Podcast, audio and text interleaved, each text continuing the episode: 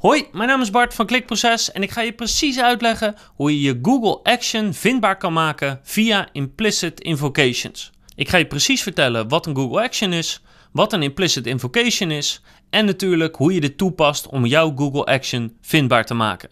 Dus heb je een Google Action en wil je dat meer mensen er gebruik van maken, dan is dit helemaal perfect voor jou. Welkom bij Klikproces met informatie over betere rankings, meer bezoekers en een hogere omzet. Elke werkdag praktisch advies voor meer organische groei via SEO, conversieoptimalisatie, YouTube en voice. Als je een Google Action hebt of je denkt erover om deze te gaan maken, dan wil je natuurlijk dat zoveel mogelijk mensen daar gebruik van maken. En een Google Action is de voice app van Google. Dus de voice app van Google Assistant. Zoals je op je telefoon allerlei apps hebt die je met je hand kan bedienen, zo kan je ook voor een smart speaker of een smartphone een app maken. En dat noem je met een mooi woord een Google Action. En zoals met elke app heb je een probleem van ja, als je die hebt gemaakt, hoe zorg je ervoor dat mensen hem gaan gebruiken? En voor een telefoon is dat bijvoorbeeld dat je naar de App Store gaat en daar zoekt op bepaalde soorten spellen of gewoon even door de Game Store uh, scrolt. En vervolgens kom je een app tegen en die kan je installeren. Ook draaien ze de Facebook ads voor of andere manieren. En zo zorg je ervoor dat jouw app gevonden wordt. Nou, voor een deel werkt het voor een Google Action hetzelfde. Maar voor een deel kan je ook zeg maar SEO toepassen om jouw Google Action gevonden te laten worden. Dus in feite, zoals je een website vindbaar maakt via SEO, zo kan je dat met een Google Action ook doen. En dat doe je via implicit invocations. Dus wat is een invocation? Nou, invocation staat voor aanwakkeren, starten, beginnen. En er zijn twee soorten invocations die je zeg maar kan instellen in een Google Action. En ik ga precies uitleggen wat het is, maar weet dat afhankelijk van het apparaat wat mensen gebruiken, dus of ze een smart speaker gebruiken zoals deze, of een telefoon of een tablet of een ander soort smart speaker, dat het resultaat nogal kan verschillen wat je krijgt. Dus als ik aan deze smart speaker een vraag stel, dan kan ik een ander antwoord krijgen dan bijvoorbeeld op mijn telefoon. En dat betekent dus dat als je met die invocations aan de slag gaat, dat je dus goed moet testen per apparaat of je nu beter gevonden wordt of niet, want het kan nogal verschillen. Nou, er zijn twee soorten invocations. De eerste is een explicit invocation. En dat betekent ook wel expliciete invocatie, dus expliciet ofwel specifiek iets beginnen. En dat is vergelijkbaar met bij SEO een navigatiezoekopdracht. Namelijk, ik weet eigenlijk al waar ik naartoe wil. Ik wil, moet er alleen nog naartoe en dat doe ik door even te googlen op een bedrijfsnaam of op een merknaam. En bij Google werkt dat ongeveer zo. Hey Google, praat met KLM. Prima, laten we KLM erbij halen. Top. Hoi, ik ben de slimme assistent van KLM en ik kan je helpen met het vinden van een bestemming of het inpakken van je koffer of vertellen hoe laat je naar Schiphol moet vertrekken. Waarmee kan ik je helpen? Ik wil hulp bij het inpakken van mijn koffer. Als eerste, waar ga je heen? België. Lekker ver weg. Bezoek je meerdere steden in België of slechts één? Eén stad. Aan welke stad zit je te denken? Brussel. Wanneer ga je weg? Morgen. Hoe lang blijf je in Brussel? Twee dagen. Oké, twee dagen naar Brussel. Klinkt goed. Zullen we Zeker. beginnen met inpakken? Nee, Laat het me maar weten als je van gedachten verandert.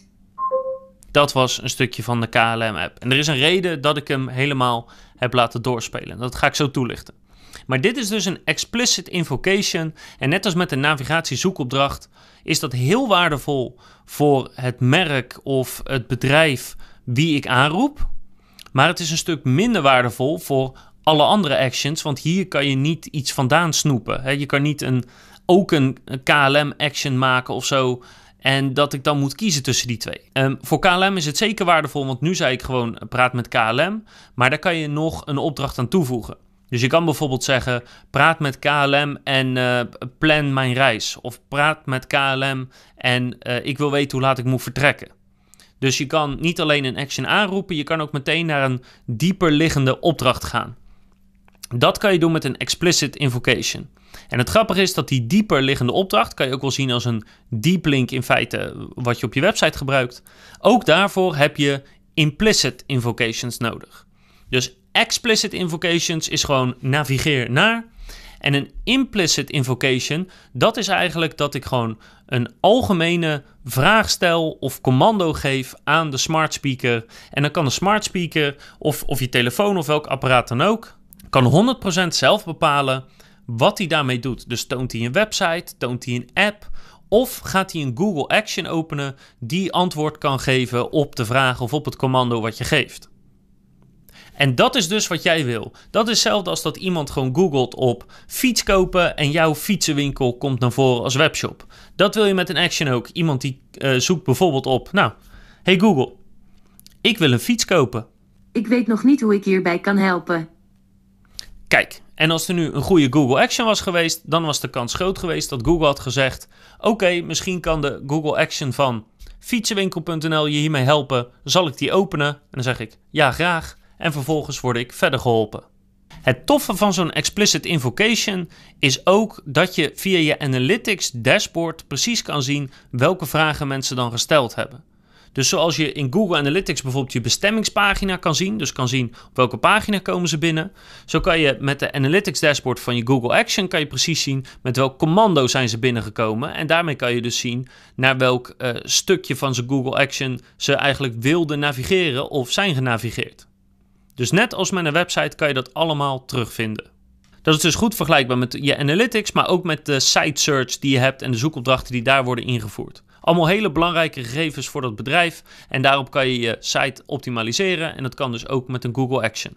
Maar goed, die explicit hebben we nu gehad. We gaan het vooral hebben over die implicit invocations. Dus een implicit invocation is in feite als je een zoekwoord noemt, dus als je een vraag stelt of een commando stelt en jouw action pakt dat als het ware op. Bijvoorbeeld dit. Hey Google, speel wat André Hazes muziek. Prima, hier is de Spotify playlist met de naam This is André Hazes. Oh, een beetje hard. Maar nu zie je dus dat de Google Action van Spotify automatisch is geopend. En de reden daarvoor is, nou in dit geval ook een klein beetje omdat Spotify gekoppeld is, maar zo kan je het wel zien met elke andere Google Action. Die opent omdat in dit geval André Hazes aanwezig is binnen die Google Action. Niet anders dan als ik iets zoek op Google en je hebt een pagina over dat onderwerp. Dan opent Google ook jouw website op een specifieke pagina, omdat die matcht met de vraag of het commando die ik gesteld heb aan Google. Dus dat werkt verder exact hetzelfde. Door die implicit invocations kan jouw Google Action eigenlijk met elke vraag of elk commando geopend worden.